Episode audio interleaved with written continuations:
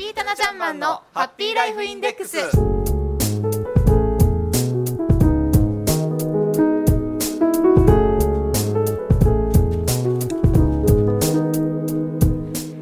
タナちゃんマンのハッピーライフインデックス。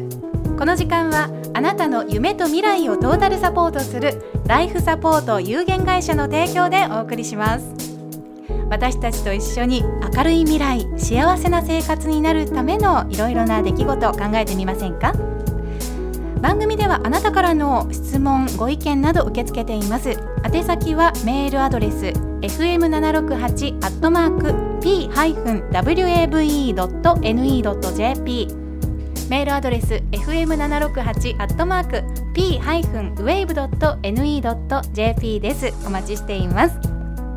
さあそれでは今日4週目の木曜日ですので、えー、4月からスタートしましたハッピーライフインデックス。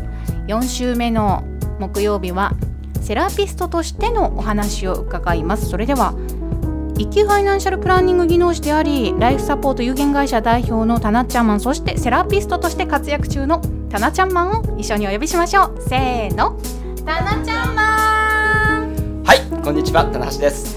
こんにちは。今日も笑顔で、はい、よろしくお願いいたします、はい、よろしくお願いします。さあタナちゃんマン、はい、えー、セラピストタナちゃんマンのハッピーライフインデックス第2回目ですけれども、はい、ね、先月はどうしてね、えー、ファイナンシャルプランナーが心理カウンセラーになったのかっていうお話をさせていただきましたけども、はい、はい、今日はですねちょっとその前にですね告知したいことが一つはい素敵なお知らせがあるんですよね。ねはい、あります。はい。実はですね私あの心理カウンセラーでね、えー、あると同時に絵本セラピストでもあるんですよ。わあそうなんですね。はい、あの日本絵本、えー、すみません絵本セラピスト協会っていうのがあるんですけども、はいはい、絵本セラピスト協会認定の絵本セラピストです。絵本セラピストっていうのはどういうそうですね。あの絵本はご存知ですよね。もちろん、ね、はい、まあ子供ねあの絵本って言われると子供向けの児童書って言われる、はい、イメージがあるんですけどもちろんね児童書なんですけれどもそれをですねその絵を見ながらその短い行間の中ですごく短いですよね絵本ってねお話が。その短い行間の中にこう込められた、えー、すごくこのお話の流れといいますかね奥深いストーリーをですねもう読み込んでいきながら、はい、自分普段抱えている問題だとかそういうのを気づきながら、はい、癒していくという、ね、そういうのをさせてもらってます。ででですので絵本使うのはもう児童書ですね。子どもさんに向けた児童書なんですけど、対象は大人の方です。そうなんですね、はい、なんかでも面白そう。すごくいいですよ。あの本当にねこの番組聞いていただいてる方あのね子育て世代の主婦の方が多いと思うんですけれども、はい、主婦の方にねこう読み聞かせさせていただいてこうどうですかっていう投げかけをするとですね、はい、こうお子様との子供さんとのですねあの今までの触れ合いがこうこれから変わっていきますとかですね。こうかこうなりましたとか子供さんのこう、うんうん。うんけたおかげで子供がこう変わってきましたっていうお話もね、よく聞くんですよ。なんかこう心と心のコミュニケーションが今までよりもこううまくいくようになったりするんですかね。ねだから絵本っていうのはですね、はい、人生のうちに3回読む時期があるって言われるんですね。あそうなんですか。まあ1回目はそのもちろん、まあ、自分が小さい時ですね、はい、子供の時にお母さんに読んでもらう聞かせてもらう、うん、あるいは自分で読むんですね。はい、で自分が子供を持った時に子供に読んで聞かせてあげる。あなるほど。ねこれ2回です。うんうん、まあ大体これで終わりってしまう方多いんですけれども、はい、実はそれが終わった後で子どもさんがある程度こう大きくなってきて絵本から離れてきた年代の頃にもう一度大人として読みこなしていくと、はい、そのストーリーの中あるいはその絵本のその短い文と文の間の中に込められた、この奥深い奥深さっていうのを気づいていくとですねすごい発見がつけるんですね。はい、子供さんをこう授かった時期っていうのは子育てに必死な時期で、はい、そこまでやはりそのあすごいな絵本はっていうのはあると思うんですけどそこまでのこう奥深さっていうところに気づきはやっぱり少ないんですが、ね、子どもさんが育ってきた過程を思い浮かべながら、はい、こう自分がその親として成長してきている私もね親親年齢っていうのがあると思うんですね。親も子供さんを持って初めて親になるわけですよ。なるほど、はい、ですので子どもさんが1歳になっった時期っていうのは親として1歳なんですよね。子供さんが15歳になったら親として15歳。そうか。ですよね。そうですね。子供さんが小さい時っていうのはもう子育てに必死で、はい。そこまで気づけなかったところっていうのが実際自分がこう体験してきたことと絵本の奥深さとこうダブって感じられるとすごい深みがあるんですね。それを気づくことによってまたその周りの人たちとのお接し方触れ合い方が変わってくることによってこう人間関係がまた変わってくる。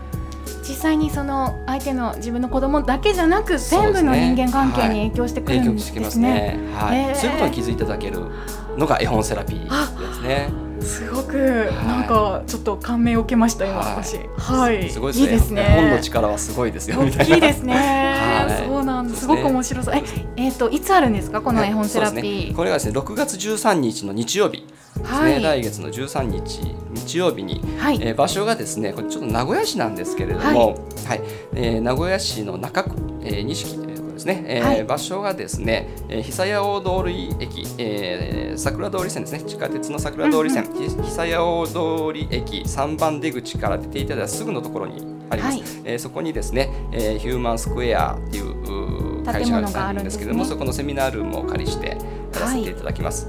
えー時間があー午後2時から、えー14時からですね、えー17時30分まで、はい。えー行われます。えー参加費としまして5000円、えー 2, 名2名以上の方でね、えー2名以上で同時申し込みいただきましたら、電配割引としてお一人当たり4500円として、えさせていただきます。定員20名ですので、あと残りわずかになっておりますので、か。お早めにですね。はいそうですね。棚はい橋さんにお申し込みとかお問い合わせすればいいんでしょうか？そうねはい、私の方におお問い合わせいただければはいと思います。そのお問い合わせ先は？はい、えー、電話零八零三零七五八五九三ですね。これあの絵本セラピーとしての棚橋ですねのの専用電話になっておりますので、はいおかけいただければと思います。で、この絵本セラピーですね、えー、私の師匠であるたっちゃんですけど、はい。岡田達信先生ですね。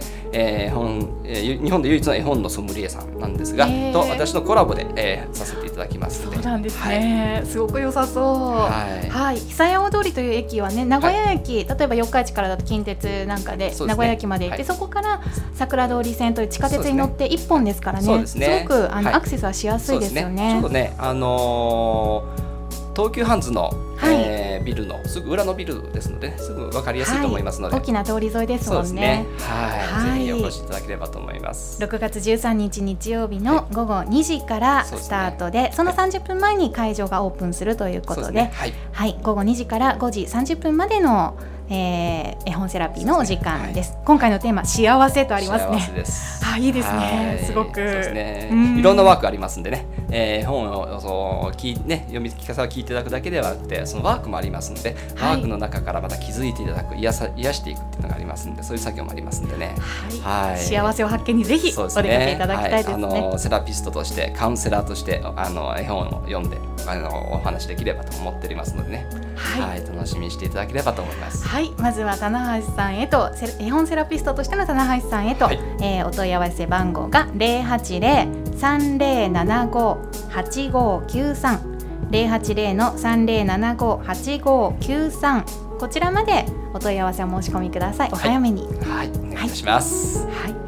いや絵本セラピーのお話ですごねく盛り上がってしまいましたけれども、えーもう時間が残ってしまいましたね。いやいやそれからつながるお話が今日は、そうですね。あと思ったんですけど、ちょっと時間的に厳しいので、あの、はい今日ですね、私スタジオ入りがねちょっと遅れてしまって放送ギリギリだったんですよね。大丈夫ですよ。ね。えーでこのねスタジオ向かう途中にこの、はい。いいこ原口さんのいえ原口さんの放送を聞きながらこうねあのこのスタジオに向かってきたんですけれども、はい。その中でなんか浜園のお話が出てましたよね。はいはい、リスナーさんからねメールがあの届いてまして、浜園の再開がちょっと断念になったということで、はい。すごくあの残念な、そね。してちょっとねあの、は悲しんでショック受けてらっしゃるメールもありました。私もやっ。ぱりちょっとそそのお話を聞きましてねすごくショックだったんですけどね。